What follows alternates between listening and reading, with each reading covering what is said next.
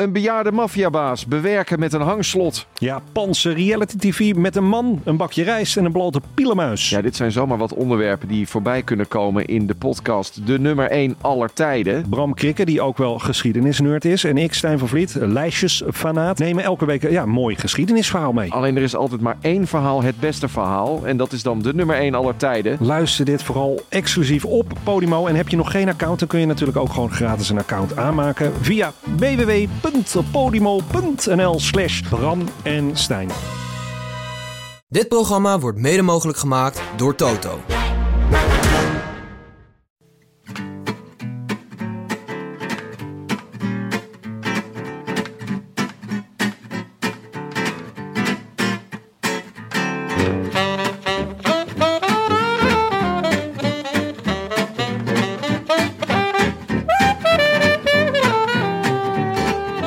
Het is zondag 1 september 2019 en live vanuit de studio in het Vondelpark in Amsterdam is dit de Rode Lantaarn.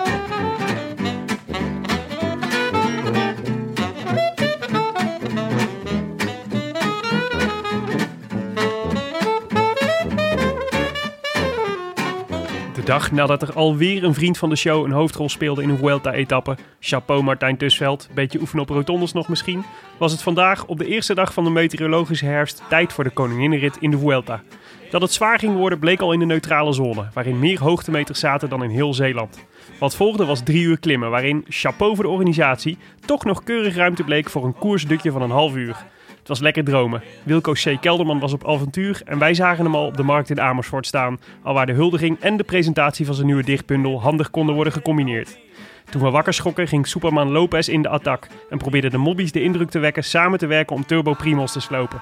Nadat het ophield met zachtjes regenen, begaf Godartio de satellietverbinding het. Wat restte waren beelden van vallende druppels in regenplassen voor cabines vol mokkende commentatoren.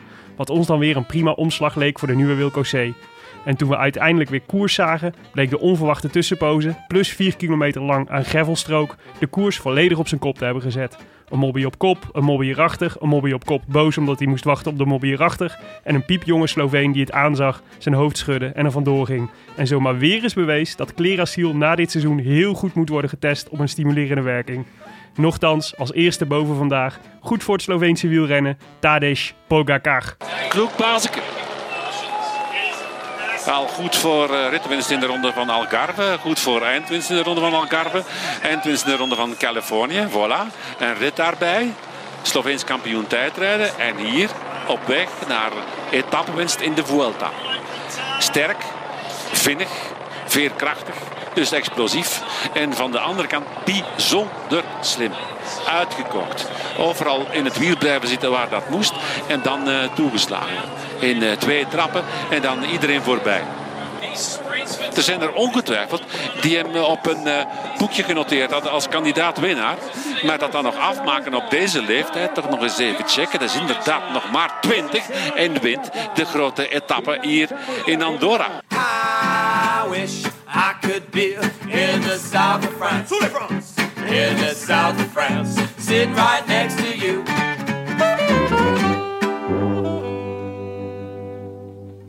Echt? Spreekt zo uit?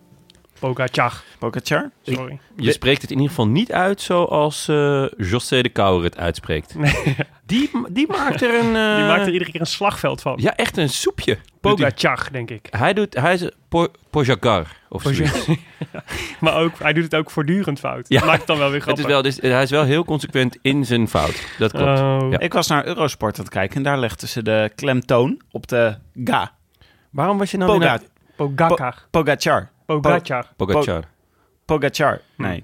Nee, Pogacar. En Ja, het. dan? Zou dat dan Tadej zijn? Of ta Ja, mij- Ja, of Taj. Of Tadej. Tadej. Tadej. Is het niet een I? Mocht je een Sloveen zijn en het hier helemaal mee oneens, dan mag je ons eh, even een mailtje sturen. Ja, lief, het liefst een, Alleen als je een Sloveen bent. een, spraak, een spraakbericht. Ja. Ik wou zeggen een spraakgebrek, maar dat liever niet. Ja, dat, daar hebben we José al voor. Willem, ik wilde twee dingen ter opheldering vragen van de introductie die je net afstak. Overigens, Hij was prachtig. hij was er prachtig. Eh Goder Tio, Godertiel. wat is dat? Is dat een, eh, een vloek? Mijn hemel betekent dat. in het Mijn Spaans. hemel? Mijn Oh. hemel. Ja, nou, dat voelde ik ook wel. Heb je dat zelf vertaald of eh, heb je een eh, be- be- bevriende Nee, heb, eh, Spanjaard Ik heb ooit in, een, in een voorgaand leven een tijdje in Barcelona gewoond. Barcelona. Barcelona. En toen was dat, was ik, dat was een van de eerste uit, Spaanse uitspraken, of Wauw. Catalaanse uitspraken die ik, ik En hoe, leerde. hoe, lang heb je daar, hoe lang heb je daar gewoond? Eh, een maand of zeven? Nou ja. Naast uh, Camp Nou woonde ik. Echt? Ja. Wat leuk. Ja. Oeh, En heerlijke stad. Een tweede opheldering die ik graag wilde is eh, meteorologische herfst. Ja. Dat is toch pas in de derde week van september of zo? Nee, nee, nee, Tim. Ja, nee, ik- ik gaf hem ook als voorzetje, hè, begint op 1 september. Ja. En de herfst, zeg maar de seizoensherfst, zoals wij hem, zoals wij hem normaal gesproken kennen, is, eh, begint pas op de 21ste. Oh, Wat is maar de dan meteorologische herfst is gewoon... een eh, meteorologische herfst en seizoensherfst? Wat is ja, het weet ik veel. is dat hetzelfde als Mensen temperatuur? ervaren de herfst begint op 21 september, maar de meteorologische herfst is zoals de weerman het, eh, het zou benoemen. Maar is Vandaag is de herfst begonnen. Dat is net zoiets als gevoelstemperatuur. Nee, ik denk eerder dat de seizoensherfst de gevoelstemperatuur is en dat dit de officiële Ja, start ja. is. Oh, ik word wel langzaam depressief, merk ik al. ja, ik voelde hem ook al. Waarvoor dank. Maar eigenlijk is de herfst ook alweer prachtig, toch? Eh, Kleuren ja, En zo. Het is Ja. gewoon die regen die shit is. En Ja. dat de zomer voorbij is. dat vooral, ja. Ja. Jonne, jij was eh, dit weekend was jij in, eh, in het Venetië van de Noorden, Ja, ik, ik eh, wist dat de meteorologische herfst aan zat te komen. Dus ik denk, ik peur nog eventjes alles, eh, al het laatste beetje eh, eh, genieten uit de zomer. En eh, mijn vriendinnetje begint morgen met, eh, met een nieuwe baan. Dus die wou nog een paar dagjes weg.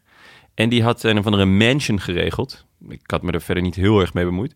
En dat bleek gewoon, nou ja, eh, in Dwarsgracht. Wat op letterlijk steenworp afstand ligt van het Venetië van het Noorden, Giethoorn. Geniet horen. Zoals het heet in de volksmond. Ja, nou, dat was het zeker, ja. We vielen met onze neus in de spreekwoordelijke boter, want ehm, er was een gondeloptocht. Wauw. Ja. En eh, dus toen wij eh, rond zessen die kant op gingen Hmm. om eh, de gondeloptocht te aanschouwen, bleek dus dat je 5 euro entree moest betalen, pp. Ehm, en die zou je terugkrijgen mits je om 8 uur alweer Giethoorn zou verlaten, want om 8 uur zou die daadwerkelijk pas beginnen. Nou, onze, er waren twee kinderen mee, waaronder die van mij. Hmm. En dat zijn jonkies. En die begaven het er ongeveer rond tien voor acht. Waarop wij ons snel naar eh, Ja, ja, de, sprinten. buitenst, ja, de buitenste regionen van Giethoorn eh, eh, Ja? sprinten. We waren daar om tien over acht. Ai, En, ai, ai, ja, nee, dan kun je het vergeten. En ja, Ja, Ze terecht. ze moesten Je streng moet zijn. ergens een grens trekken. Nou ja, dat, dat zeiden zij. We moeten streng zijn. En ik vroeg nog, Snap ik. maar van wie dan? Ja, En dat konden ze niet zeggen. van de organisatie. Ja, Van, van, de boven ons geplaatste. van It, It Giethoorn. Hmm. Dus Weet je wat ik altijd tof vind van Giethoorn? Ik ben er nog nooit geweest, maar het staat altijd als je gaat vliegen en terugvliegt op Schiphol. En dan zie je, heb je zo het kaartje van Nederland. Ja. staat altijd een soort Amsterdam volgens mij. En Giethoorn staat op de kaart. Ja? Ja, Echt? Ja. Nou ja, dat, en verder niks. Nou, maar weet je hoe dat... eh, Giethoorn doet het heel slim. Eh, want zij staan ook op het eh, wereldmonopolie. Wereldmonopolie. Ja, dus je hebt een monopoliespel. Ja. En dan heb je dus wat, wat bij ons Brink ons dorp is. Dan heb je dus al die supergrote steden. En hier heb je dan dus eh eh, Giethoorn. Die heeft zich erop eh, weten te, te, te, te kletsen. Als, als Brink ons dorp. Ja. Dus niet echt. Nou ja, ik, ik weet eigenlijk niet of Amsterdam er wel op staat, joh. Of Venetië zelf. Het Venetië van het noorden. Maar eh, Jonne, genoeg over jou. Willem, Oh, sorry. Willem, je ziet er bijzonder uitgeslapen uit. Hoe is je weekend geweest? Oh ja, wel goed. Ja, nee, ik heb lekker veel tijd gehad. Om, ik heb de garage opgeruimd. Dat was fijn. En ik heb de verder opgeruimd. Want ik had vo- vorige week al een beginnetje gemaakt. De, de garage opgeruimd. Dat Echt is een leven heb jij- ik, jongen. jij- Vorige week heb ik een beginnetje gemaakt met de garage opruimen. En van dit weekend heb ik het afgemaakt. Nog even lekker de, de auto in het sop, of niet? nee, dat moet nog. ja, Nou, maar dan- eh, in de, in de, zeg maar, toen ik klaar was met dat garage schoonmaken, toen dacht ik, oh, dat is mooi, de Vuelta begint. En toen, eh, toen dat is wat ik zei in de intro, toen heb ik ook nog lekker even een half uurtje een koersdutje gedaan. Ja, het koersdutje. Dat is Ja. toch echt Dat een... is eh, wel een, het lekkerste dutje dat er is. Ik zag jou, eh, jij stuurde een appje en toen zei je snoozefest. Toen Ja. dacht ik, ja, heb jij ook wel gelijk in. Het was letterlijk een snoesfest. Ja. Zakje paprika chips erbij? Nee, nee, nee, nee, nee, die had ik niet in huis. Dat was, dat was ja, een kwestie van slechte planning, vond Ja. ik. Ja, dat is eh, een, les, een goede les voor de volgende keer. Maar we moeten nog twee weken. Nooit te oud om te leren. Madrid is nog ver. Ja. En ondertussen, eh, Tim, jij was, ik begreep dat jij op een bruiloft was. Ik was op een bruiloft in, eh, in een kas in de buurt van Nijmegen. Daar was ik al wel eens geweest. Het is blijkbaar een populaire locatie. Was ook erg mooi. Maar er kwam iemand op me af in de loop van de avond. En die zei... eh, ja, ik heb toch maar een keer naar die Rode Lantaarn van jullie geluisterd. Het valt altijd tot een mensen zo te introduceren bij mij. Die snijden het altijd zo aan. Ja, dat moet toch een keer. Ik heb me naartoe gezet. Viel niet mee. Ik zat in de gevangenis. Ik dacht, ja, ik heb er niks te doen. Dan maar die rode lantaarn. Alle podcasts uit. En dan vervolgens, ja, nee, het was eh, eigenlijk best leuk. Vol verbazing. Ja, nee, Ja. erg, eh, was er erg blij mee. En hij eh, zei eh, van, eh, ik hou eigenlijk niet zo van wielrennen, maar eh, toch eh, geluisterd en eh, van genoten. Hmm. En toen vroeg hij andere podcast tips. Dus waarschijnlijk hoort hij dit, dit hoort hij waarschijnlijk ook niet Toen meer. vroeg hij andere podcast tips. Ja. Wat een belediging. Het was best leuk, maar eh, heb je nog wat anders? Ja. Eerst beginnen met een diepe zucht. Vervolgens zeggen, nou, het viel toch allemaal wel mee. Blijkbaar was het verwachtingspatroon heel laag. En vervolgens podcast tips Heb je iets leuks over hockey? Maar je was voor de tweede keer op deze trouwlocatie. Ook voor de tweede keer op een trouwerij. Maar ik hoop wel van andere mensen. Ja, ja, ja. Of- Ja, waren wel andere mensen. Oké, Ja, gelukkig. nee, ja, ja, dat was inderdaad wel tragisch geweest. In een jaar achter elkaar. gewoon naar dezelfde locatie gewoon zeggen... dit heb ik toch al een keer uitgedacht. Laten we gewoon nog een keer gaan. Hey Tim, over Nijmegen gesproken. Huub Bellemakers, vriend van de show, was woest Ja, over een, eh, over een segmentje in onze vorige show. Waarin we het hadden over... eh, hadden een we? van de, van de eerste gasten uit de Rode Lantaarn geweest. Daarom Misschien is wel Huub- de eerste. Of de twe- eerste of de tweede, denk ik. Huub. Ja, daarom is ze een belangrijke vriend van de show. Het is een belangrijke vriend van de show. En, eh, en ehm, er zat een segmentje in over, het, over... Volgens mij ging dat over jouw eh, WhatsApp-conversatie met eh, Fabio Jacobsen, Jonne. En Ja. eh, hoe jullie elkaar wel trusten wensen met, Niks Met- meer van hem gehoord. met, een, met een trust en een hard, en een hard rock teken. Ja, geen slaap lekker meer. Geen eh, hey, Nee. sweet dreams of zo. Helemaal Het niks. is voorbij. Ja. Fabio is er wel klaar mee. ja, blijkbaar. Dat snap ik. Ehm, maar misschien had het te maken met het feit dat wij eh, dat we het teken verkeerd benoemden. Want Huub eh, schreef als ehm, vriend van de show, voormalig gast, fan van het eerste uur en metal DJ in te huren voor feesten en partijen, moet ik u aanspreken op het door Willem gebruikte woord hard rock teken. Wat jullie bedoelen is het metal gebaar, ook wel bekend als horentjes, duivelsteken, etc. Het hoort niet bij hard rock. Hard rock is een verder ongedefinieerd genre waar alleen Tweede Kamerlid Peter Quint fan van is. Metal, in al zijn welluidende verscheidenheid, is een andere, lompere, betere muzieksoort. Hij schrijft ook metal met eh, twee armpjes naast de M. Ja, ja dat, is schijnt zo te horen. Ja, dat Ja. is waarschijnlijk dat, Dat is ook een metalgebaar. Ja, dat is ook een metal gebaar. Ja. Er zitten hier zoveel verborgen boodschappen in, in, dit, in dit bericht. Ik, Ja. ben helemaal, eh, ik ben het helemaal kwijt. Ja. Vindt, hij, vindt hij metal nou wel iets of niet iets? Zeker, zeker, zeker. Hij is Eh. metal DJ, hij is DJ Hellemokers. Daar treedt hij onder andere mee op als, bij de Zwarte Cross altijd. En dat is allemaal alleen maar metal. Oké, en hard rock is dus inferieur, als ik het goed begrijp. Kennelijk. Ja, volgens mij is hard rock een beetje... Is Bon Jovi en zo valt ook onder hard rock. Shut to the heart and you're Ja. to blame? ja. nou ja, dat is toch dat is een stuk beter dan metal. ja, vind ik ook. Maar ja, Huub niet. En het is in ieder geval niet het, eh, het wat we doen. Wat is in ieder geval niet het goede gebaar wat we maken. Het is geen, Oké. ja, hard rock heeft geen gebaar, denk ik. Geen gebaar. Nee. Dat, dat, misschien dat hartje Ja. van hard rock. Dat Ik zou toch kunnen? wedden Eh. dat we hier ook weer rectificaties op krijgen van boze hardrock fans. Ja. ja. Een andere leuke rectificatie in onze mailbox. Eh, het was een beetje een soort, eh, het was een waterscheidingsmoment deze week. Ineens begonnen mensen door te krijgen dat we al weken achter elkaar Oliver Nase bedanken als gast in de show notes. Is dat Waarom niet? Ja. Hij zit er weer hoor. Oliver? ja, speciaal? Zwijgzaam als altijd. Nou, het is toch goed om na elke aflevering even te zeggen, ook veel dank aan Oliver Nase. Ja. Nee, ik zal eh, het boetekleed aantrekken. Ik doe natuurlijk, eh, ik probeer altijd natuurlijk eh, zo een beetje efficiënt te werken. En dan wil ik nog wel eens appeltje C, appeltje V doen. En kennelijk had ik appeltje C, appeltje V gedaan bij onze aflevering van over Oliver Naast. En nu staat er de hele tijd in dat, dat Oliver Naast onze speciale gast is, terwijl niemand hem hoort. Maar ja, weet ik veel. Ik dacht dat niemand die show notes las. maar Wieger Schuurman en Tristan Bos wel. Ja. En die wezen ons erop. Ja, sorry jongens. Ik zal er voortaan nog beter op letten. Ik zie het als goed nieuws dat ze die show notes blijkbaar lezen. Vind ik ook. Dus ik ga er voortaan extra zorg aan besteden. Ja. En de andere, eh, Willem, eh, je moet toch eh, nog even een keer door het stof. We kregen een, eh, nou, ik mag wel zeggen, woedende Lucas van Nerven in onze mailbox. Ja. Want die had naar ons Twitter-account getweet dat Landa nu bij Bahrein voor pools mag gaan knechten. En vervolgens had jij dat grapje in de uitzending gemaakt. En het was mij ook al opgevallen dat je bijzonder on point was de afgelopen aflevering. Maar dat bleek dus te komen omdat je gewoon het grapje van eh, Lucas van Nerven had gejat. Ja, kijk, ik wil, eh, ik sluit niet uit dat hij daarop geïnspireerd is, maar ik hoor natuurlijk zoveel op een dag aan grapjes. is en, dus het zou, het, zou, het zou heel goed kunnen. Dus eh, eh, voor de zekerheid maar credits naar hem. Van de andere kant denk ik dan, wij als Rode Lantaarn communities maken deze uitzending eigenlijk met z'n allen. Dus alle grappen die worden ingestuurd kunnen natuurlijk gebruikt worden. Ja. En we kunnen niet alles alles, alles credits geven. Maar Nee, goed, ja. deze had wel... Dit is eh, wel, bij wel- ons vroeger op straat werd je dan een fatoenakker genoemd. en dat was echt een fatoenakker. een fatoenakker. Ja, je maakt een fatu. Dat Ja. is een grap. En als je die dan nakt van iemand, ja, dan ben je een fatoenakker. Jat- Ja, nakken is jatten. nakken is jatten. Een fatoenakker. Fatoenakker. En dat was echt... eh, mijn oude voetbalcoach eh, was een fatoenakker. ja? En daar hadden we zelfs een lied over. Dat kon echt niet. Oké. Dus, ja, ik, eh, ik ben het helemaal eens hoor. Ik ben, ik ben, vaak ben ik de benadeelde partij. Dus ik ben de eerste die toegeeft dat ik, dat ik hier de mist in ben gegaan. Oké, nou ja, dat fair enough. Ja. Maar zo, gaan- om het te compenseren mag Lucas van Neerven eh, een grapje van mij nakken. Zou er ook een fatu-nakker in het peloton rondrijden? Ik weet niet of humor en wielrenners of nou heel veel uh, grapje, grapjassen denk, tussen eh, zitten. Ik denk Herman Pernsteiner. Herman Pernstein. Ja, dat denk ik wel. Maar daar komen we zo meteen nog wel op. Ja, ja, laten we het daar zo meteen over hebben. Zeker. Want eh, het is hoogste tijd voor een natje, dacht ik zo. Mhm. Hebben hebben, heb je, je hebt iets meegenomen, hè Willem? Nou ja, zeker. Nou, ik had, eh, de vorige keer hadden we natuurlijk eh, beloofd dat eh, hadden we Jetse Bol beloofd dat hij het natje mocht uitzoeken. En eh, daar, daar eh, zei hij meteen van, oh, dat lijkt me hartstikke leuk. En er wordt natuurlijk iets Mexicaans, daar ga ik over nadenken. Maar ja, sindsdien heeft hij kennelijk andere bezigheden.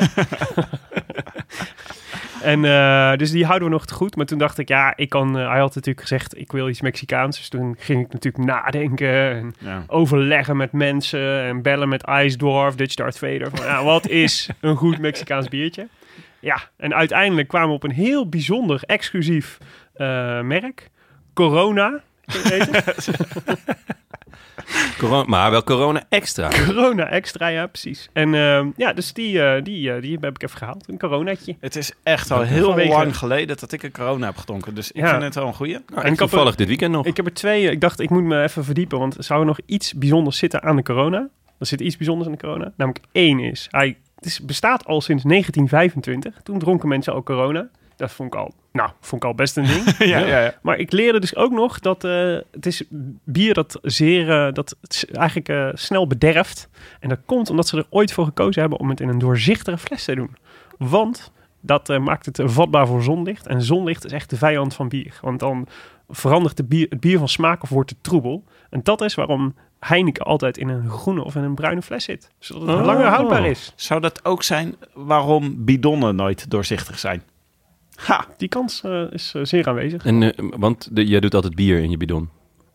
Eh, ja, dat is een goeie. Nou ja, gewoon om iets niet te laten bederven. Ah, de ketonen niet te laten bederven. Ja, Dat zou kunnen.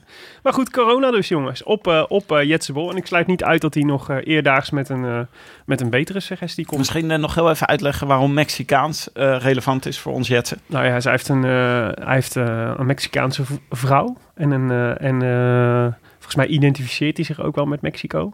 Ja. Zijn zoontje is half Mexicaans. El Bol. El boy. Ja. Het zee. Nou, uitstekend. Ik heb zin in die corona. Maak hem open, Willem. Zeker, komt goed. Proost jongens, op de koers. Ja, Jonne, Yes. jij zit te ver weg, maar ook proost naar jou. Op je corona. Ik neem nog even een slokje. Heerlijk, lekker fris. Eh, ja, de koers van vandaag. We hadden eh, maar liefst 94,4 kilometer eh, voor de boeg. Maar liefst, ja? Ja? Ja, ja nee, het waren flinke 94 kilometer. Ik wou net zeggen, we hebben toch eh, lang kunnen genieten van deze 94,4 kilometer. Eh, we hadden namelijk 1, 2, 3, 4, 5 bergen. We gingen ehm, voor de enige keer deze Vuelta boven de 2000 meter. En wel met liefst 95 meter. Ehm, de start was ook bergop. Eh, inclusief de eh, neutrale zone. Was een eh, eerste categorie, dan een lange afdaling. Dan gingen we naar een buitencategorie berg. Dan twee categorie, tweede, twee bergen van tweede categorie. In aanloop naar de slotklim die van eerste categorie was. En dus naar Alto Ais Cortals den Camp ging. Ja, dus eigenlijk waren het drie bergen. Want die laatste Ja. drie klimmen waren een soort drie klimmen Dat naar was een soort- dezelfde top. Soort Soort- trapje. Ja, drie trapsraket met wat grindwegen tussendoor. Nou, ik vind het dus echt hilarisch, zo start bergop. Hè? Ehm, ik zat gewoon eh, netjes om drie uur voor de tv. En dan eh, gaat het peloton weg. En dan heb je die neutrale zone. En die vlag die wappert nog niet. Of de sprinters laten zich al zakken. en kunnen niet meer mee. Dus het is echt een... eh, het, was, ja, het, Ja, het was echt gelijk klimmen. Weet je wie er vandaag laatste werd? Was het Fabio? Zeker. Ja, ja die zag ik ook. Die Fabio Aru of Jacobsen? Jacobsen. Oké. Scheelde niet veel volgens mij met Aru. Maar ik vond er sowieso best wel lullig uitzien, de start. Want soms dan heb je dan... eh, gaat ze, ga- ze gingen vandaag ook keihard van start. Maar omdat het bergop ging, zag het er niet zo heel spetterend uit. Hmm. Hoe de groepjes zich formeerden. Dus normaal heb je dan eh, de- allemaal mensen die sprongetjes wagen. En dan eh, keihard, eh, keihard racen in het begin om bij de ontsnapping te zitten. Maar hier was het gewoon te stijl om dat er heel erg spetterend uit te laten zien. Dus het was een heel erg rustig schaakspel in Ja. het begin. Nou Eh, ja, en, eh, me- maar, ehm, ja, maar wel met een, eh, met een twist. Want voor ons viel er genoeg te genieten in de kopgroep. Die Ja. wel wegging. Ja, dus er kwam uiteindelijk een kopgroep met ongeveer 30 renners in het begin. En daar zaten nogal wat van onze favorieten bij. Ik merk dat jij eh, dan eh, gelijk Twitter aanslingert om alle vrienden van de show een, eh, een shout-out te geven. Mag ze graag claimen. Ja. Maar ik, ben- maar vind je niet dat dat hele vrienden van de show idee dat het soort het geeft een soort extra laag op de koers als in het, het is ik vind het echt super leuk als Martijn Tusveld in de kopgroep zit. Daar word ik echt heel gelukkig van. Ja, ja, ik ook. Maar er is wel wat, wat ik er wel ingewikkeld aan vind. Is je hebt natuurlijk de vrienden van de show, de mensen die wij echt persoonlijk kennen en wel eens gesproken hebben. Maar je hebt ook onze favorieten er nog tussen de zitten. die Wilco C. Keldermans van deze wereld. Ja, die eigenlijk ook een soort favoriet van ons is, maar dan weer geen vriend van de show. Dus krijgt Nee, hij dan geen shout-out. Ja, ook wel. Nee, die krijgt nee op onze op de Rode Lantaarn op Twitter krijgt hij geen shout-out. Die is alleen voorbehouden aan vrienden van de show. Oh ja, ja, precies. Daar is Willem heel streng in. Hè? Dus als Huub Bellemakers mee zou zitten in de kopgroep, dan kreeg je een shout-out. Maar de Giza krijgt er geen. Nou, over de Gissa gesproken, die zat er lekker bij. Ja. Eh Poels zat erbij. Tusveld zat erbij. Kelderman zat erbij. En eh, ook echt een paar andere klasbakken hoor. Eh Ja. Vogelsang zat erbij. Latour, klassementsman. Niebe, jouw eh, grote favoriet. Het was echt een kopgroep waar je wel mee thuis kon komen. Ja, ja eigenlijk was, eh, was Kelderman eh, volgens mij eh, toen... Nou ja, het- Carl Frederik Hagen achteraf bleek erbij te zitten... die Ja. eh, vol- volgens mij het beste geplaatst stond... met dank Ja. aan zijn vlucht van gisteren. Ja, maar staat er nog steeds goed voor. Zeker, zeker. Kwam, maar, echt kwam kort op, eh, op, de, op de grote mannen kwam je binnen. maar de echte spannende klassementsman was natuurlijk eigenlijk Wilco C. Kelderman. Want dat was, eh, dat was eh, ik vond ik heel tof. Dat hij dat, want het was echt een, eh, het was volgens mij een vooropgezet plan. Want Tusveld eh, was soort de, de, de locomotief van de groep. Die ging echt als een, als een stier op kop rijden. En die, is echt, die jongen is echt in vorm momenteel. Zeker. Want eh, hij rijdt gewoon eh, zeker ook zo bergop, zo makkelijk naar boven. Hoe kan dat nou? Hè? Hij trok gewoon die groep zo'n na groot 2,5 gedeelte minuten. van- Zo'n groot gedeelte van het jaar gemist. Ja, nou, En dan zo goed fris. zijn al je. Hij was, hij was tot april, zeg maar, wij waren toen, eh, volgens mij hebben we dit al een punt al een paar keer gemaakt, maar tot aan Parijs-Nice was hij echt goed. Ja, hij zat elke keer zo rond de 20ste, 25ste plek. Ja, Eh, niet anoniem, maar ook, ook weer niet heel erg zichtbaar. Maar je zag wel van, ah, de, de, de, hij heeft een stap gemaakt. Er, er staat wat te gebeuren. ja. En daarom kan ik me heel goed voorstellen, want hij is gevallen toen hij dus al in vorm aan het komen was. ehm, dat hij ook extra getergd is. ja. Ik weet echt niet tot wanneer zijn contract is. Ik ook niet. Ik zou me niet verbazen als, hij, eh, als het einde contract is en dat hij ook nog aan het koersen is eh, om voor verlenging of voor, voor een nieuwe ploeg. Denk je dat? Oh, hm. ja, misschien. Nou, ik zou hem houden als ik Sunweb was. Ja, zeker. Ik ook. Ja, als je deze jongen laat gaan, dan... eh, Ja. ja. Nee, maar ehm, ja, hij had gisteren natuurlijk... Daar, daarom, omdat hij zo in vorm is, baalde ik echt zo dat hij viel gisteren met die, eh, in die rotonde. Ja, Ik bedoel, de kans dat je het houdt, weet je, op zo'n moment is natuurlijk niet heel groot. De voorsprong. En er zat ook nog aardig wat achter. En als je zag hoe het met... ehm, eh, wie dook er nou, ging er nou als laatste nog weg toen? Voor die... eh, ja, oh ja, ehm Stibar had nog zo'n aanval. Ja. En die, als die het al niet redt, weet je, dan denk je... nee, oh, maar ik, ik had hem op, god, ik had- wel een momentje. ik had Tusveld even op de app. eh, want ik was eh, vrij content met het En je, had, feit... weer- je had weer iemand anders nodig om je wel trusten te wensen. en ik was vrij content met Nikias Arndt. Want daar, ja, Mhm. dat, dat pakte lekker uit voor mij. Goktechnisch. goktechnisch. En hij zei, ja, het was precies volgens plan. Ik zou gaan, zodat Nikias zijn benen stil kon houden. Want Ja. anders moest, moest die iedereen gaan halen de hele tijd. En eh, ja, hij zei, ja, het was kloten dat ik eh, onderuit ging. Eh, maar het plan is geslaagd, want eh Arndt kon gewoon eh, lekker blijven zo. zitten. En eh, die sprintte echt soeverein eh, naar, de, naar de winst. Maar ik, ja, ik Maar- eh, vond... Ja, Maar sorry. Tusveld heeft dus gisteren eh, gereden voor Arndt en ging vandaag gewoon weer beestachtig rijden voor Kelderman. Ja, de man is in bloedvorm. En wat Ja, voor dus valpartij niet, was dat? Want die heb ik niet gezien gisteren. Was Oh, ja, een hard- ja, harde ja. valpartij? Eh, Nee. nee. een schuiver op een rotonde. Nee. Dus het was nat en, eh, en eh, hij nam gewoon alle risico om weg te komen. En, eh, en was net iets te optimistisch met weer terug insturen. En toen gleed hij onderuit. Maar het- ja, wat ik zei, ik vond het heel zonde, want ik had het heel graag willen zien. Dus dat we echt wel snit op die demarage. En ik vond hem eigenlijk in die groep al, al, al heel sterk ogen. En ehm, eh, ik denk ook niet dat het het laatste is wat we van Tussveld hebben gezien deze Vuelta. Ja, en er komen echt nog kansen aan. voor überhaupt ook een, het laatste nog niet wat we hebben gezien van Sunweb. Want, Nee. nou ja, om terug te keren naar de koers vandaag. Ze staat met vier man mee. Ja. Ja, ze hadden overduidelijk eh, nagedacht over hoe gaan we dit doen. Ja. En, eh, en dus ja, wat ik zei, Tusveld had een, die heeft een lang gelocomotiefd voor Kelderman.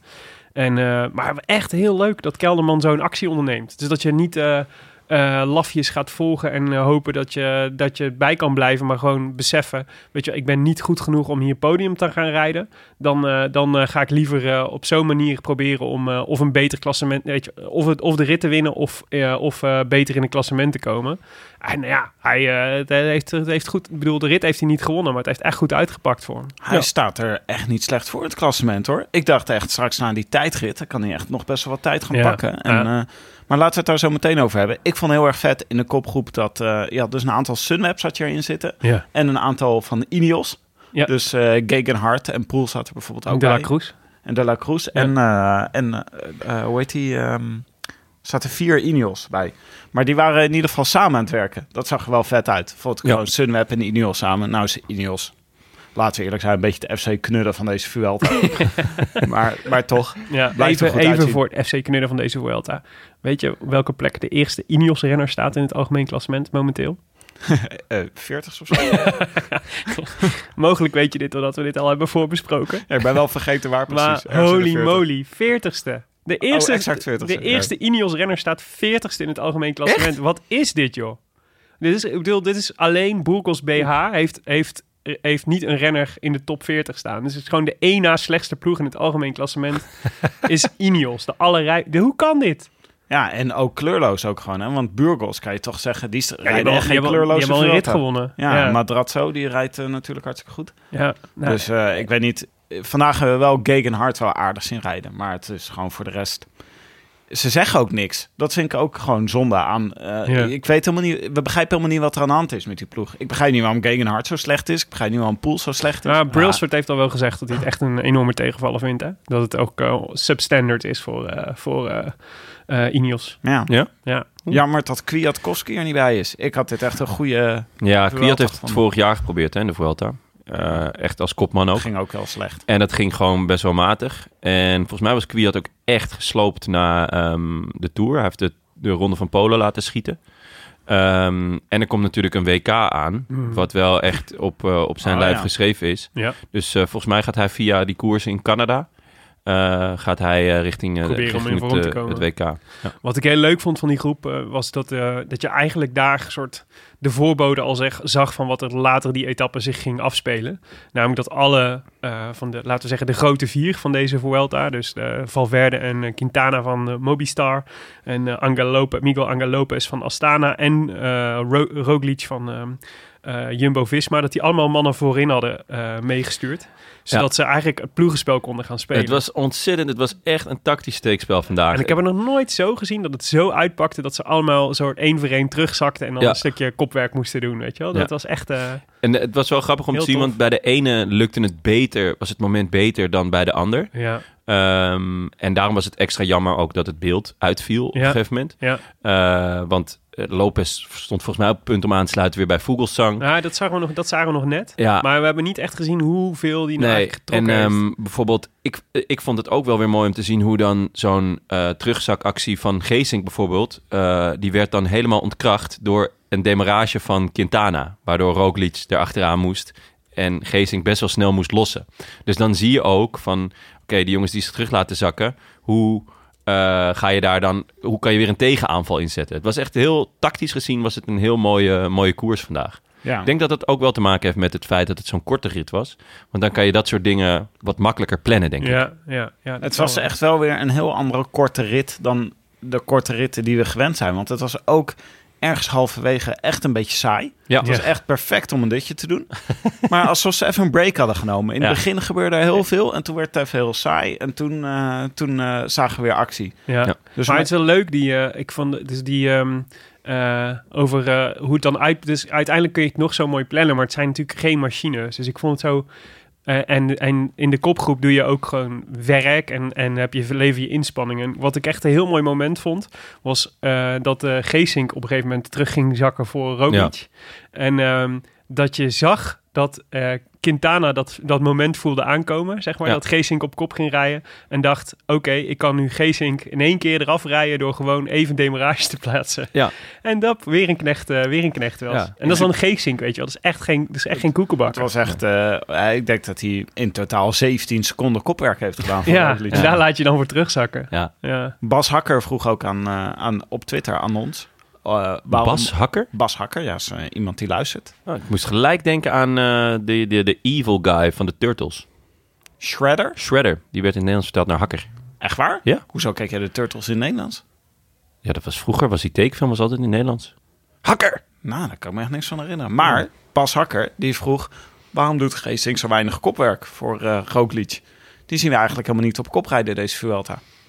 Hebben jullie daar een idee over? Nou, hij was, vandaag eh, speelde hij dus een belangrijke rol. Eh, Ik weet het niet zo goed. Ik Ja. denk, dat hij, eh, denk dat hij zijn werk vrij vroeg in de, in de koers doet. En dat er gewoon anderen zijn die... eh, dus eh, Bennett en eh Kuus, die momenteel beter zijn, denk ik, om bij, in het echte stijl uh, En hij hoge bergte. En hij heeft een lichtelijk vrije rol, hè, om ook Ja. aan, te, aan te vallen. En ik denk dat ze gokken op zijn taaiheid. En dat hij eh, dat is hem voor de laatste week nog wel een paar keer eh, dat we hem Ja. dan nog wel gaan zien. Want dat is natuurlijk het lastige van, die jonge, van die jonge, zo'n jonge gast als Kus. Dat je daar eigenlijk niet echt op kunt rekenen. En Geesink heeft altijd wel gewoon basisniveau. Ja. Ja. Het was ook eh, was wel leuk op eh, Clement zit toch bij eh, de NOS. Ja, Die had het er vandaag ook al over dat het een belangrijke stap was voor eh, Jumbo dat eh Geesink een van de knechten werd op een gegeven moment. Dat is hij, ja, dan wordt het niveau van de knechten wordt zo verhoogd binnen de ploeg ten opzichte van daarvoor, toen Geesink de kopman was en andere renners knechten Ja. waren. Dat eh, Jumbo ineens een stap maakte van een soort, de basiskwaliteit ploeg die ze waren. Ik, eh, zeker, ik keek naar de, naar de ploeg, naar Jumbo voor de, voor de Vuelta. En toen dacht ik, wauw, wat een wilde. Geesink is gewoon vijfde man. Ja, ja, ongelooflijk. en dat is echt een goede vijfde man. Wow, dat is echt heel chill. Misschien is dat een goede manier om naar een ploeg te kijken. Wie is je vijfde man in de rangorde die je meeneemt Ja. als ploeg? En dan daar op, op basis daarvan het basisniveau van de ploeg te... Nou ja, dus in volgend jaar Tour is dat Dumoulin. Dus voor, eh, ja, inderdaad. voor, voor Jumbo. Maar eh, even terug naar de koers. Yes. Eh, want we hadden dus die kopgroep. En op de tweede beklimming, de enige buitencategorie van de dag, de Col de la Calina. Eh, de, de buitencategorie trok Bouchard er vandoor. Nou, toen dacht ik van alle mensen die in deze ploeg eh, zitten, komt Bouchard voorop te liggen. Ja, Ja. Daar, daar wist ik, eh, ik ken hem niet echt als een renner. Hij deed Joffrey heet hij. Joffrey, ja. Joffrey Bouchard. Ah, hij deed best aardig, toch? Was best een Ja. goede ontsnapping. ja, vond ik ook indrukwekkend. Bleef, bleef er lang voor zitten. Ja, zeker. En, eh, en eh, ja, nee, zeker. Want het groepje achter hem dat was ook niet mis. Dus eh, dat was knap. Ja, ik dacht heel lang nog van, nou, misschien is het een soort van springplank voor Latour. Mm. Maar eh, Latour was al lang versopen. Ja. Dus eh, ja. die springplank die eh het leek kon even een lekker, springplank, springplank voor eh Gegen Hart. Maar ja, die eh, Ja. zakte ook weer terug in de Ineos ellende. Ja, maar dat hebben we dus niet helemaal kunnen volgen, helaas. Nou ja, dat, eh, want Nee, laten we even een sprongetje Goed, maken. goed dat je het zegt. Zal even kijken of hij überhaupt gefinished is. Hebben we niet gezien. Hebben we geen beelden van. Maar voor ons is het natuurlijk het belangrijkste. Want eigenlijk gebeurde er niet zoveel op de Col de la Calina. Want pas op de laatste berg, met die ene met die drie beklimmingen... daar werd het interessant. Want op 18 kilometer van de finish ging eh, Lopez er vandoor. En toen zaten we nog een beetje... Willem zat toen nog in comateuze Nee, stand. ik, was met net, ik was net wakker. zijn wangen op zo'n paprika chips zakje zo. Allemaal vouwen in mijn gezicht. Hé, hey, Lopez. Helemaal onder de, onder de smeer van- uit de garage. Maar het was een, eh, ik vond het echt een indrukwekkende demarage van Lopez. Ja. Hij ging ook echt, hij was ineens weer, het was echt weer een paddenstoeltje. Helemaal buiten beeld ineens.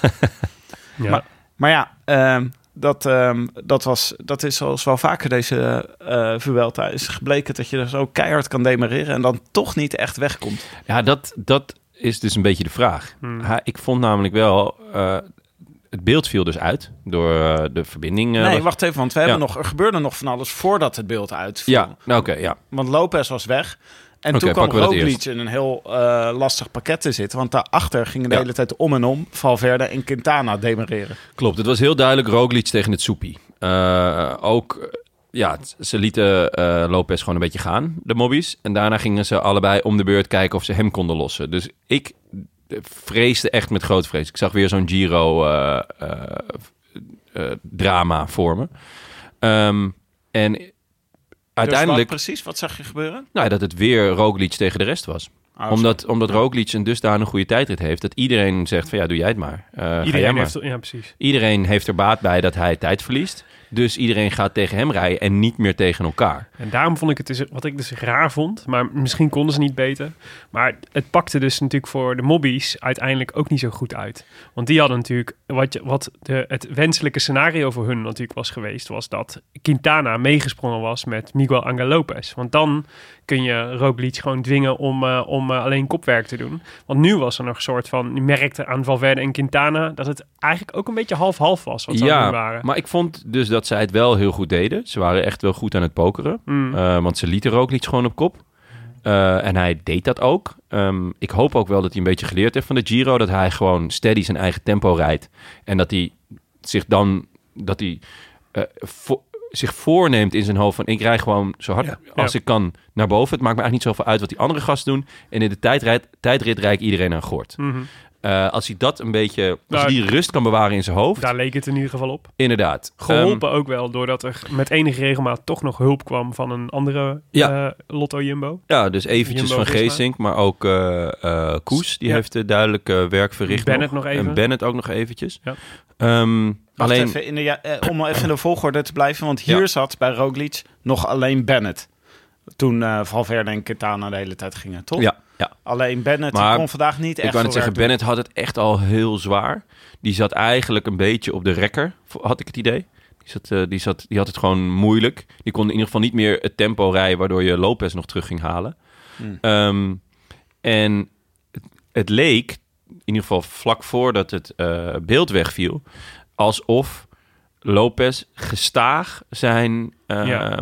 voorsprong aan het uitbreiden was. Want het ging van 25, toen Ja. ging het toch wel Eerst naar met dank 40. aan eh, Gorka, die, Ja. eh, die een stukje, Gorka Izagirre, die eerst een stukje kopwerk deed. Toen kwam die bij Vogelsang, die, eh, die ook... die ook nog eventjes ging slopen. en, dus Gorka ging er vrij snel af, maar Vogelsang, daarvan dacht, dacht ik al van, oh, dit is heel dat link. wordt- ja, dus eigenlijk op het allerinteressantste moment... Ja, de eh, kregen we vier mannen in regenjas te zien... die aan het schuilen waren op de top. Waarom werden zij de hele tijd gefilmd? Ja, dat is gewoon een leuk stelletje. Ze hadden echt gewoon, ze hadden geen enkel beeld. Het was echt gewoon, Ja. eh, ineens eh, ging het zo heel rustgevend, zag je al die bergtoppen in de regen. Ja. En eh, het duurde was een heel mooi moment geweest voor, eh voor eh Sporza om gewoon buren uit te zenden. Al die oude afleveringen die ze nog, die ze nog hadden Die we liggen. nog te goed hadden. Ik zapte op dit moment even naar Arsenal Tottenham Hotspur, die op het andere kanaal bezig was. Oh, en wie heeft gewonnen? Het was eh, 2-2 geworden. Dat was echt een leuke wedstrijd ook, zeg. Ongelooflijk. Ik was wel blij dat ik even kon zappen. Oké. Maar er gebeurde op dat moment superveel in de koers. En Ja. het was, leek ook wel een soort glitch in de Matrix te zijn. Want er gebeurde dus... Het regende, je had geen beelden meer. Ja. Er gebeurde van alles. Ja. En de camera kwam weer terug. en het hele wedstrijdverloop was totaal Oh, anders. ja. Ja, en er was, er was tussendoor nog heel even beeld. En wie filmde ze toen? Ben O'Connor. Oh ja, Ben O'Connor. voor het ja. eerst deze Vuelta, eh, überhaupt voor het eerst dit seizoen eh, in beeld. Eh, en Ben wel O'Connor. ook Ja. gewoon als enige Van Dimension driehoek. van de Dimension driehoek. Ja, Keurig ja, maar wij- gereden vandaag. ja, precies. Dat was natuurlijk de enige plek waar we nog bereik hadden. Gewoon een an- totaal andere dimensie moet je filmen. Hij, Waarin reed ook- Ben O'Connor op kop rijdt. hij, was ook, hij deed ook helemaal niet mee in de Vuelta. Hij was gewoon eh, hij was op Madagaskar aan het koersen. En ineens hadden we daar een verbinding mee. en dan gaan we dat maar uitzenden. Maar wat, oké, dus, eh, maar toen we terugkwamen, toen het beeld terugkwam, toen zat het, eh, lag er dus heel anders bij. Want toen zagen wij ineens Roglic op achterstand. Een Ja. groepje met Valverde daar vlak voor. Mhm. En inmiddels ontsnapt Quintana Ja. en Pogacar. Ja, En Lopez, waar zat die op? die zat bij? Valverde. Die zat bij Valverde Ja, in het groepje. Met een bloedende elleboog. Ja. Het was echt, Dat is meestal geen goed teken. het was zo'n black story, weet je Ja. wel dit. Wat is er gebeurd in de Ja. tussentijd? Ja, ja dat is, het is heel het is grappig dat je, dan, dat je dan ook die commentatoren zo soort van vo- voelt zoeken naar grip. Dus eh, dat je dan inderdaad zo krijgt, oh, we zitten bij O'Connor. Dit zal dan de kop wel zijn. En dat je dan die motor ziet versnellen. Oh nee, dit is toch niet de kop. Kennelijk zitten er nog mensen voor, want anders gaat die motor niet nu heel Nee. hard rijden. Nee. Oh, wie zit hier? Oh! En, Ja. en vooral, we Zo wisten leuk. ook totaal niet waar ze zaten. Want Nee. O'Connor zat nog op een stuk onverhard. Ja. Ehm, maar, In Madagaskar. Ja. maar om heel eerlijk te zijn, volgens mij waren die andere, die kopmannen, waren daar alweer voorbij. Ja, volgens mij zat hij helemaal niet. Ja, nee, precies. Nee. Ja, het, is, het, was, ja, het was gewoon eh, chaos alom. Ja. Maar ehm, eigenlijk was de conclusie wat gek dat... eh, want ik had het gevoel... Was het Koes die nog bij Roglic, weer Ja. bij Roglic zat? Ja. Ik had het gevoel, ze reden aardig door. En, eh, en je zag ook dat het verschil met dat groepje steeds verder aan toenemen was. Dus je had het gevoel, wat is hier gebeurd? Ik denk niet dat ze hem gelost hebben zomaar. Want da- daar waren ook niet echt signalen voor of zo, vond ik. Nou, zo Dat- voelde het voor mij wel. Ja? Oh. Ik dacht, die is eraf gereden. Die, ze hebben hem gewoon Ja. gepiepeld en uiteindelijk hebben ze hem allemaal eh, achtergelaten. Ja, maar, ja, maar, ja, maar dan, wat er dan voor reed, dat, was het, dat waren dan weer... Dat was echt niet alleen maar top. Wat nee, Nou, Dus ik dacht, gezegd- is hij nou door deze groep gelost? Ik twijfelde echt tot op dit moment. In de Vuelta twijfelde ik gewoon of Roglic wel echt goed was. Dus toen ik hem met Koes zag rijden, toen dacht ik... Oeh, hij is gelost, Koes is nu bij hem. Er is een Ja. reden dat Koes nog vorm rijdt. ja. Maar het was, ze waren wel in een ontzettend tempo. Het zag er echt ook niet eh, heel erg eh, kwetsbaar uit. Dus Mhm. ze waren wel, zeg maar, strijdvaardig aan het, eh, aan het koersen. Ja, nou dat gevoel had ik dus meteen. En, eh, en eh, dus ik dacht, hè, wat materiaalpech of zo. Want ik zag ook niet dat hij echt dat hij sporen had van een valpartij of zo. En, ehm, maar ja, daarvoor gebeurde eigenlijk pas echt, eh, was het was, pas echt interessant. Want Quintana in de ontsnapping is natuurlijk wel... Nou ja, wa- wat. wat. er gebeurd dus was met Roglic, die is op de grindstrook, dat bleek achteraf, hè, dit weten Ja, we van ja, ja, is op de grindstrook tegen een stilstaande motor aangereden. En eh, daardoor gevallen. tegen een stilstaande motor aangereden. Ja, of Dat is die raar. stilstaande motor heeft iets gedaan waardoor Ja. eh Hij Roglic ging in één keer gevallen is. stilstaan waarschijnlijk. Ja, zo, ja zo, zoiets Ja. zal het zijn. Oké. En eh, daardoor had hij dus die achterstand opgelopen. En de koers is bij hem gebleven. Ja. En de rest reed door. Maar er was ook weer zoveel inderdaad aan de hand voorop. Want Quintana was weggereden. Het regende nog steeds. Het regende nog steeds. Soler was eh, de kop van de wedstrijd, toch? ja, op dit moment. dat was het. Ja. Marc Dat was het. Soler. Ja, nee, staat er Soler met Cabeza de Carrera. Staat er dan onder? Ja. Cabeza de Carrera. Ja, En, en, dan denk je, huh? Oh, Soler. Ja, en toen ging Quintana demareren en toen dacht je, nu gaat er toch een schitterend ploegenspel ontstaan. nu, gaat, eh, nu gaan we al die opgebouwde solidariteit van jarenlang Mobistar gaan we nu uitbetaald zien. Ja. Wat een heerlijke televisie was dit. Ja, dit was- was peak Mobistar, denk ik. Ja, maar er gebeurden meerdere dingen tegelijk. Want dus Quintana, die ging, die eh, demareerde. Die wilde dat Soler, die eerste reed, op hem wachtte. Ja. En ondertussen ging Valverde aan de achterkant. Die ging het gat naar Quintana dichtrijden. Ja. Ja. Dus dat waren Ja, één maar moment. Dan moet je het niet zo zien, Tim. dat, is, dat is allemaal afgesproken werk van tevoren. Ja, maar Nairo en Alejandro hebben voortdurend contact. Misschien hele was het met om elkaar te praten. was de afspraak om met z'n allen bij elkaar te blijven de hele tijd. En dat dat gewoon niet zo goed Jongens, gelukt was. Het ploegenklassement. Eh, het is trouwens wel het is de enige eh, ploeg die daarom geeft, hè? Het ploegen, om het ploegenklassement. Ze winnen hem ook altijd. Gek genoeg. Maar ze hebben ook echt veel goede klimmers. Ik bedoel, ze Ja. rijden altijd hier met Rogas en Soler en zo Ja. ook nog erbij vooraan. Ja, maar ja, die Soler is eigenlijk, was eigenlijk degene de, de, maar waar, bij wie ik altijd het idee had dat hij zich het minst aantrok van de ploegen van de stalorders. Ja? Of hoefde aan te trekken. Oh nee, dat heb ik niet. Nee? Oh, Nee, maar ja, hij- nu, eh nu zagen... het werd niet beloond, zeg maar, zijn, Ja, zijn kijk, trouw. Soler is nog jong en hij heeft wel Parijs-Nice gewoon al gewonnen. Hmm. Ehm, maar omdat ze met die debiele tridenten zitten, eh, met al die kopmannen, is hij elke keer het kind van de rekening. Als er bergop kopwerk... eh, moet hij het doen. Moet hij het doen. En voorheen Carapaz, maar die is inmiddels te groot om, om nog kopwerk te doen. Dus ja, het is nu Soler. En ik ben heel erg benieuwd eh, hoe hij zich volgend jaar gaat manifesteren. Hmm. Want, eh, het En is- straks in de teambus. Ja, nee, dat wordt knokken natuurlijk. Maar wat een aansteller toch ook. Om zo pontificaal Oh, ja. in beeld zo met je hoofd te gaan schudden. En dan ging hij ook nog achterom kijken en een wegwerpgebaar maken. ja. Ah, Tim, kom op nou, man. Het was nog net niet dat Italiaanse gebaar, zeg maar, de hele tijd van eh, met één hand zo. eh, De de van van ja. eh, het van van Culo gebaar maakt Tim eh, even voor de luisteraars. Het heavy Nee, metal maar- gebaar had hij. moeten- Ja, maar Tim, kom Hard, op. het hard signaal. Jij bent onderweg om een podcast award te winnen. Willem die zit erachter een beetje te stoempen met nog een of andere gekke Sloveen. En die zegt, eh, Tim, je moet nu terugkomen. Gekke Sloveen met een podcast.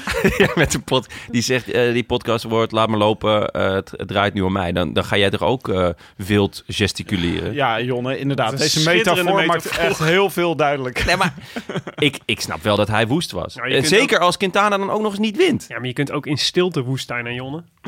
Nou, nee, ja. Nou, dat vind, dat vind ik niet. Ik had Maar het leuker hoe- gevonden als hij gewoon zijn bidon in tweeën had gebeten en, eh en stoïcijn door was gegaan. Maar Jeroen van Bellegem die zei dat, eh, dat ze dus eh, Quintana vinden ze allemaal stom bij Mobistar. Omdat die hem Ja. sowieso irritant vinden en omdat hij volgend jaar weggaat. En Valverde willen ze wel verwerken. Maar die reed er dus nog verder achter. Dus wat Soler eigenlijk wel had gewild, weet je wel, als hij zich dan had moeten laten zakken, om zich voorbij Quintana te laten zakken, om daar voor Valverde te gaan werken die achter Quintana aan zat. Ik denk dat ze van verder ook echt een eigen gerijde klootzak vinden, ook zegt. In de ploeg? Ja, de kant op de de kant is bijna niet anders. Die man eist zoveel op, voortdurend. Zo, die geeft een soort, in zo'n, wat is dat toch? Dat eh, zo- zonder zo'n grote boom eh, groeit niks. Ah ja. Ja. Het is, een, een- het is een zwart gat waar alles in wordt opgezogen. Ja, aan de andere kant, hij wint ook wel echt rammend veel. Ja, maar ja, daar heb je toch niks aan als je Max Soler heet. Dan wil je toch niet, dan wil je toch op een gegeven moment wil je ook wel voor je eigen kansen gaan. Ja. Die krijgt hij wel af en toe, maar, Maar ja, wel dat- zo weinig. En, eh, en het, is al, het is altijd gezeik en altijd gedoe bij, bij de mobbies. En ik vond nu wel echt fascinerend dat Valverde ook er zo'n zo'n heftig punt van had gemaakt over dat hij het zat was. Dat, hij, dat ze voortdurend kritiek kregen. dat hij en Quintana niet praten. Zei ja, we hebben voortdurend contact. We zijn de hele tijd eh, in de bus, hebben, we- maken we afspraken en onderweg Heel zijn we veel elkaar aan het praten. Jullie vinden het dus wel eh, eh, kunnen dat hij, dat hij boos is, maar hij mag dat dan niet laten blijken. Hij mag dat wel laten blijken. Moet hij dan in de, in de teambus met, eh met bidons Met gaan gooien? smijten, ja. Ja, dat vind ik ook zo Dat moet je ook makkelijk. doen. Ja, nee, maar dit is ook... Het was wel een beetje, het was wel een beetje Spaans theater, hoor, wat hij aan het maken was. Ja. Hij had hem sowieso ook niet gewonnen, hè. Want Dat- Pogacar reed er gewoon, eh, was, gewoon, was natuurlijk gewoon beter. En ze reden, al, ze reden het gat al dicht. ja, weet ik niet. Het was spannend geworden hoor. Hmm, nou, denk ik niet. Op hoeveel kwamen ze erbij? Volgens mij op twee kilometer. Ja, maar dat is... En hij eh, reed nog een flink stuk ervoor. Ja, maar Pogacar was wel echt beter. Want je, bedoel, anders had hij hem toch ook nog gewoon eh, kunnen volgen. Willem, dat Pogacar beter was, hoef je mij niet te vertellen. Dat, dat, dat, had, ik- dat had ik, eh, dat zag ik, vond weken het- van tevoren aankomen. Laat ik, laat ik het concluderen. Ik vond het begrijpelijke aanstelleritis. Maar er was, eh, wat wel leuk aan dit moment was, het was dat Roglic echt met een ontzettend tempo terugreed naar de groep. Ja. En dat was echt eh, indrukwekkend. Ja. En ik dacht ook nog, eh Roglic gaat er vandaag gewoon erop en erover, dacht Mhm. ik even. Maar, eh, want hij liep de koers al best wel snel achter zich en toen gewoon tijdrijden, weet je wel, de berg op. Ja. Ja, dat kan hij natuurlijk supergoed. Ja. Hij was twee dagen geleden al eh, echt indrukwekkend. Die etappe die Valverde wint. Eh, toen dacht ik al van, oeh, hij is wel echt goed in orde. Ja. Dus ik, toen het beeld wegviel en hij ineens in zijn eentje achteruit, toen dacht ik, hè, wat raar. ja, Maar dat was mijn gedachte. hoe die... Dat hoe is echt die atypisch. ja. Ik snap ook niet, ik, ik heb nog geen moment, laat ik zo zeggen, ik heb nog geen moment in deze Vuelta gezien, behoudens de ploegentijdrit waar ze dus meteen, waar ze meteen vielen, Ja. waarvan ik dacht, ik, ik heb voortdurend heb ik het idee, volgens mij is Roglic is gewoon de sterkste en hij speelt het hartstikke slim. En hij heeft die tijdrit waar hij kan, eh, kan uithalen. En de rest is gewoon niet bij macht om hem op zo'n afstand te rijden dat ze het, eh, dat ze het van hem kunnen winnen. Nee, ja, het- ik vond het wel eh, hoopgevend, maar ook wel weer een beetje angstig of zo. Dat Lopez in die etappe, Mhm. wie won daar? Ehm, Welke dat- etappe bedoel je? ehm, nou, dat, dat, de, waar Lopez 12 seconden pakt op Roglic. Oh ja, ja, ja. Dus hij reed weg bij, Ja. bij Roglic en Valverde. ja. Eh, ik denk dat het woensdag was. Hij reed weg, maar uiteindelijk rijdt hij niet echt ver weg. Weet je wel, Ja. 12 seconden. Ja, daar gaat Lopez het niet meer redden eh, met, uh, met, die, met die tijdrit in het vooruitschiet. Vooruitzicht. Vooruitzicht. Excuus. ja, dat was de Madrazzo-etappe. Die Ja. Bol. ja, ja, ja, ja. Maar ik weet niet, ik ben nog niet helemaal van overtuigd. Ik vond eh, dat Carapaz in de Giro wel erg makkelijk wegreed bij Roglic. Ook al had hij een, het, ook toen hij er nog niet zo slecht eh, voor stond, was wel gevallen toen. De. Giro is lang geleden, Tim. Ja, en maar nu vind ik ook dat Lopez wel erg makkelijk bij hem wegrijdt. Dus ik vind dat nog steeds wel risicovol. Je kan zeggen, hij rijdt in zijn eigen tempo de berg op. Maar het is een vrij agressieve renner, Roglic. En in principe wil hij niet mensen weg laten rijden. Dat is niet Nee. echt heel erg zijn, eh, zijn type van, eh, zijn manier van rijden. Ja. Dus ik, eh, ja, ik was erg blij om dit te zien vandaag. Ik vond het gewoon erg leuk. eh, het ge- geeft veel hoop voor de komende twee weken. Maar ik Ja. moet nog even zien. Jee, nog twee weken, joh. Ik heb het gevoel, deze, deze, deze Vuelta, hoe, hoe lang duurt die? Ja, Ja. ik heb het idee dat we echt al weken bezig zijn. Heerlijk. Ja, Ik loop wel echt te smullen. ja het is fantastisch. Het is, ja, het is echt een fantastische Vuelta. Over smullen gesproken. Pogacar, dit was wel, die maakte het af. Dit was wel fantastisch natuurlijk. Dus Ja. eh, eh, om heel even het, af te- het wedstrijdsverslag af te maken... voor als iemand deze aflevering over twee jaar nog een keer terugluistert. Pogacar deed iets heel erg vet, want eh Soler liet zich zakken. En eh Pogacar reed met Quintana. Op het moment dat Soler in beeld kwam... sprong Pogacar weg bij Valverde in het wiel van Soler... en gebruikte eh, de Bij teamgenoot... eh, ja, bij Quintana. Ja. Gebruikte de teamgenoot van Quintana... om vervolgens keihard weg te rijden bij hem. Ja, heerlijk. Dat was echt nog de kers op de taart van een Mobistar, van de Mobistar Madness vandaag. Ja. en, eh en Pogacar die bleef eh, heel hard doorrijden. Want achteraf zag je dus ook in de klimtijden... zag je dat Pogacar echt van iedereen ver weg het hardste Zo, de berg op is gereden. dat is een eh, flink verschil. Ja, dus, Lees jij ze voor? ja, dus 12, 12 minuten en 20 seconden Ja, voor die Pogacar. laatste klimmen. Ja, daar, dit is van een Twitter-gebruiker die het zelf altijd timed. Dus ik neem dit Echt? altijd een Oh. beetje... Moeten we die naam dan niet even noemen? Ik ben even die- vergeten wie... Nee, eh, Doen we volgende weet jij keer. dit, Willem? Amit Propali. Ja, v- dat is hem. Maar dat is dus iemand die je nooit kan onthouden. Hmm. Maar Pogacar 12 minuten 20. Roglic was daarna het snelste, 12.39. Quintana 12.42. dus die heeft hem ook vrij snel opgefietst. Daarna Valverde en daarna eh Miguel Angel Lopez. Hm. Bijna meer dan een minuut langzamer dan Pogacar Lopez. Nee, minder. 50 seconden. Ja, bijna Oh, een ja, minuut. ja. oh, sorry. Ja, nee, ja. Eh, ja, Eh, zo ja. Hè, maar dat is toch bijna een minuut? Ja, Nee, ik zei meer dan een minuut. Oh, meer dan een minuut. Niet oh, zo. scusi. Ja. 50 seconden is natuurlijk niet meer dan een minuut, hè jongens. Maar Pogacar maakt Alleen het, bij, eh, misschien in de dimension, eh, dimensie. ja, dat is- maar het was, eh, het was een schitterende overwinning van Pogacar, toch? Zeker, ja, ja, prachtig. Ja, 20 jaar joh. Jezus. Ja. Jonger dan Antoine Tolhoek, hè? ja, ja, Dus ja. schoonzoon. Gewoon- hij is te oud om jouw schoonzoon te kunnen zijn. Fascinating. De nieuwe Remco Evenepoel, denk ik. Ja, dit, ik maak me dus wel een beetje zorgen van gewoon als eh Dumoulist met al dit soort, Ja, al die Evenepoels Ja. en Bernals en Pogacars die eraan komen. Ja. Wat een generatie. dan rijdt die, eh, die bejaarde Dumoulin er straks tussen. Ja, Ja, en laten we vooral Herman Pernsteiner niet vergeten. Daar moeten we het over hebben. Ja, laten we het, jongens, kunnen we het even over Herman Pernsteiner hebben? Herman Pernsteiner.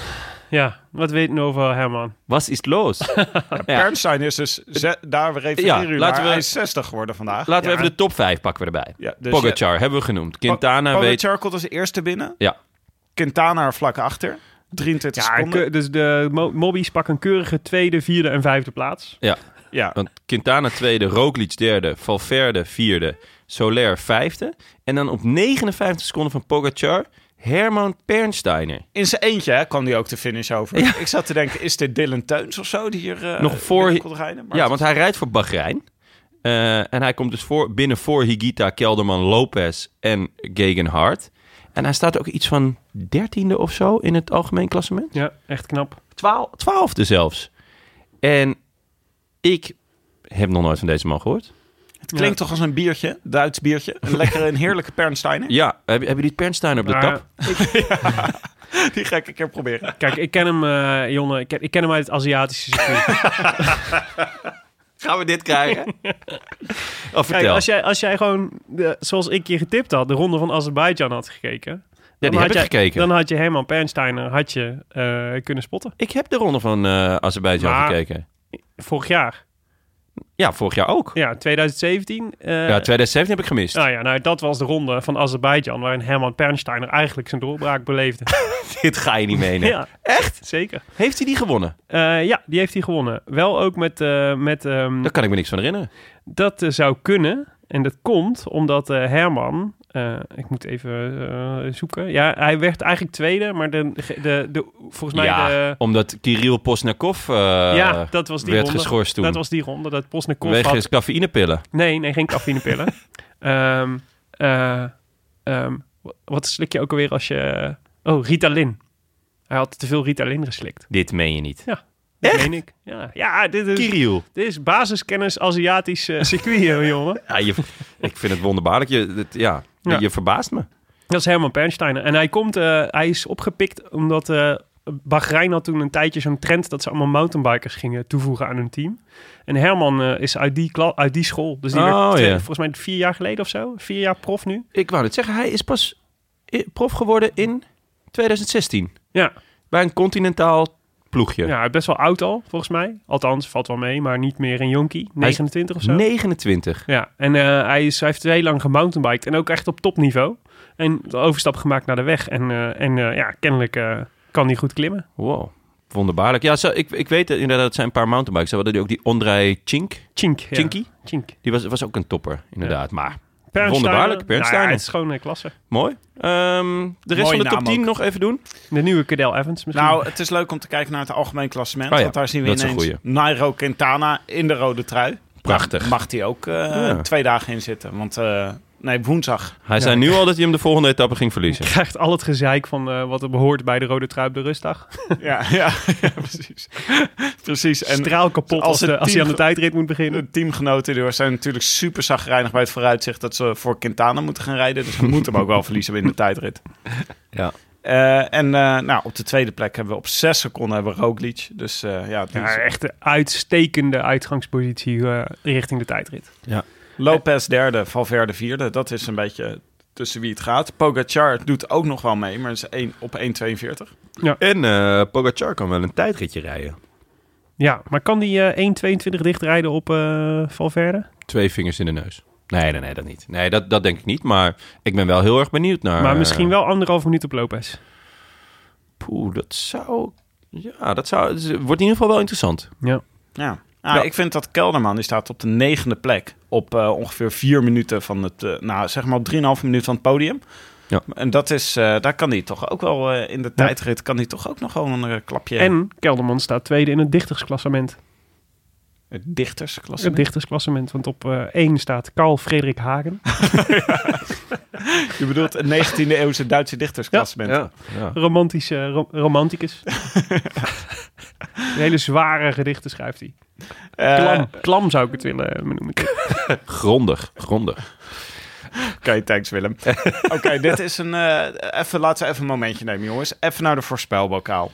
Ja, Ja. nou. Willem, jij had eh, Esteban Chavez. Nee, Tim, ik eh, trek het pleister er meteen af. Jon heb gewonnen. Oh, heb ik gewonnen? Dat meen je niet. Had ik Pogacar voorspeld?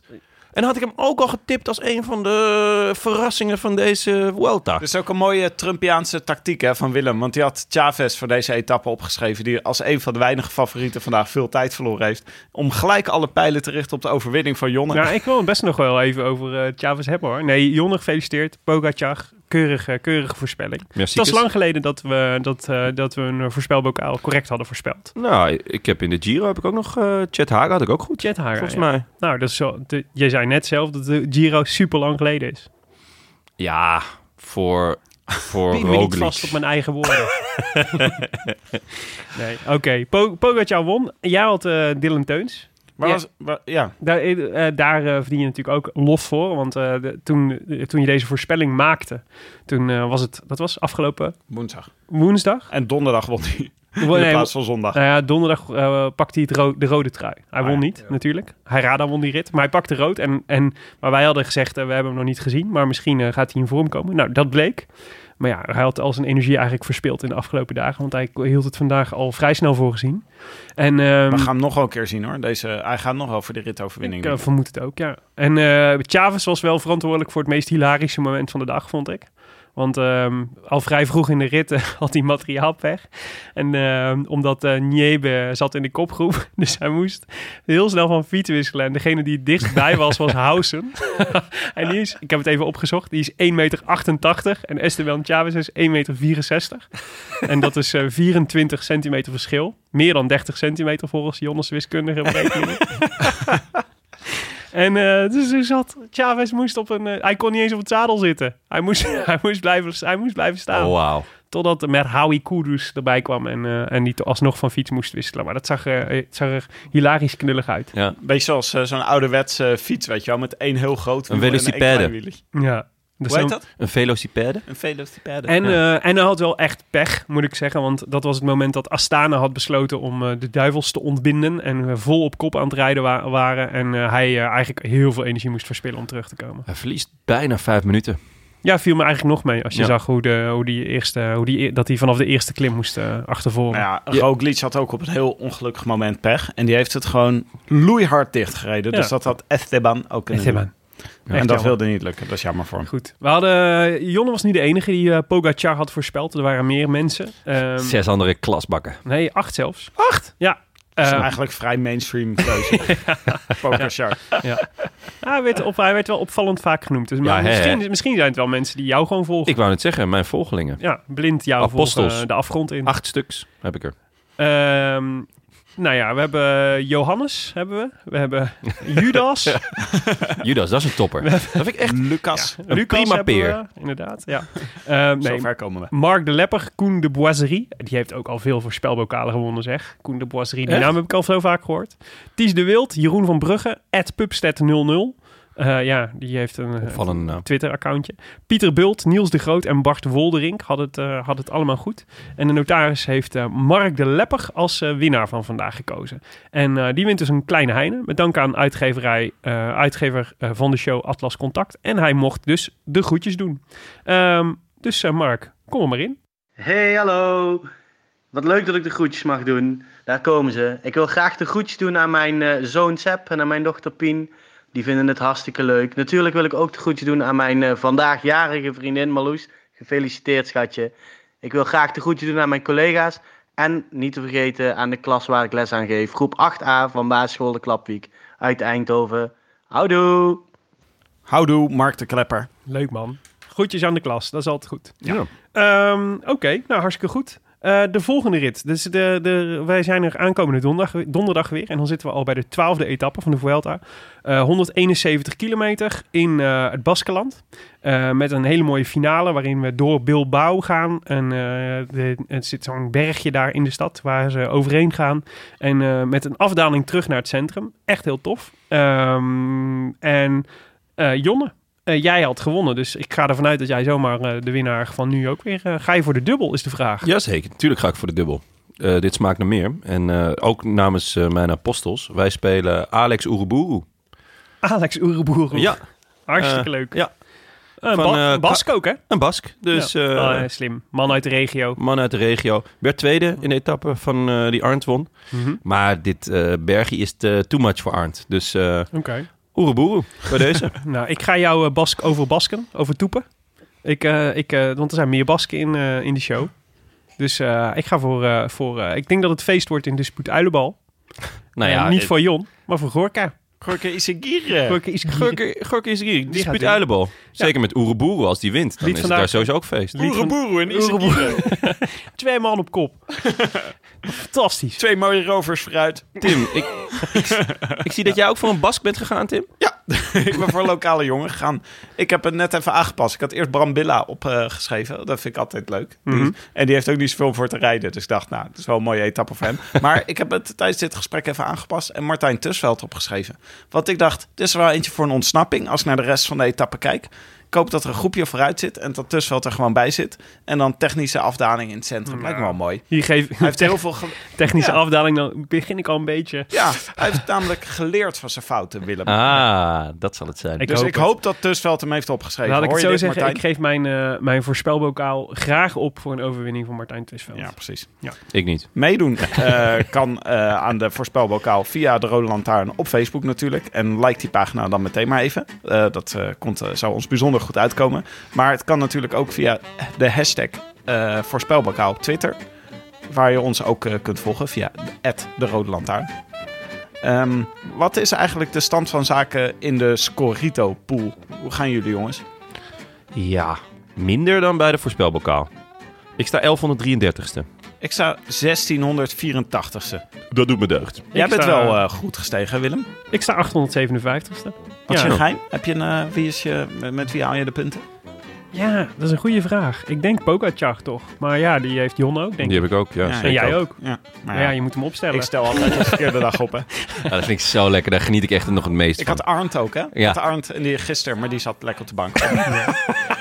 En, eh, maar Echt goed, een heerlijk, 807 heerlijk moment elke dag weer. 857ste, dan ben ik dus nog gewoon keurig in de race voor die print van eh, Mathieu van der Poel van Studio Ginta, die ons aangeboden werd door Canyon, fiets van de show.